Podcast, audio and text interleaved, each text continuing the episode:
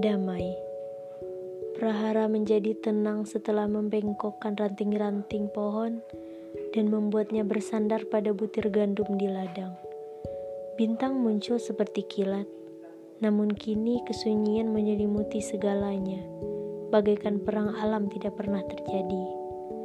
Pada saat itu, seorang wanita muda memasuki kamarnya dan berlutut dekat ranjang sambil menangis. Hatinya terbakar api kepedihan, namun ia akhirnya dapat membuka bibirnya dan berkata, "Oh Tuhan, bawa dia kembali ke rumah dengan selamat. Aku telah menghabiskan air mataku, dan aku tidak dapat menawarkanmu apa-apa lagi. Oh Tuhan, yang penuh cinta dan ampunan." Kesabaranku telah kering dan malapetaka sedang mencari kepemilikan atas jiwaku. Selamatkan dia, oh Tuhan, dari kejaman belenggu perang.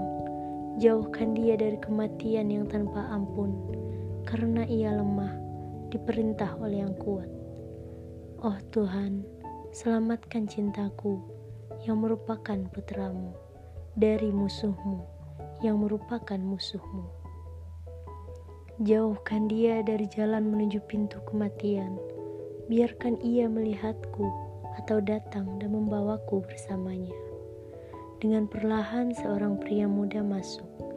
Kepalanya terbungkus perban. Ia mendekati wanita itu dengan air mata dan tawa, lalu memegang tangannya dan menaruhnya di bibirnya menyala.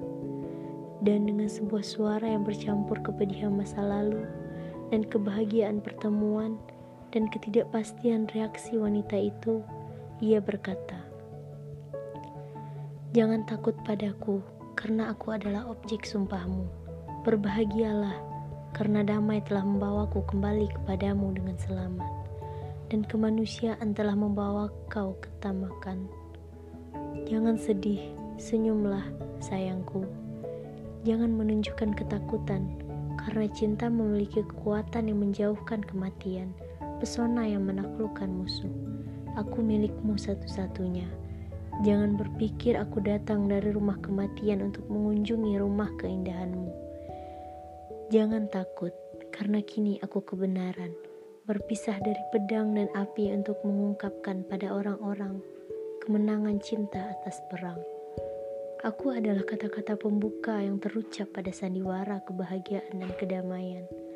Lalu laki-laki muda itu terdiam dan air matanya menyatakan bahasa hati. Dan malaikat kebahagiaan berputar di sekeliling rumah itu. Dan dua hati itu pergi dari kesendirian yang telah diambil dari mereka. Saat fajar, kedua orang itu berdiri di tengah ladang, menikmati keindahan alam yang dilokai oleh prahara.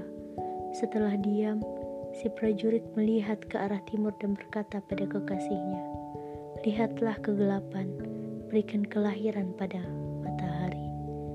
Karya Kahlil Gibran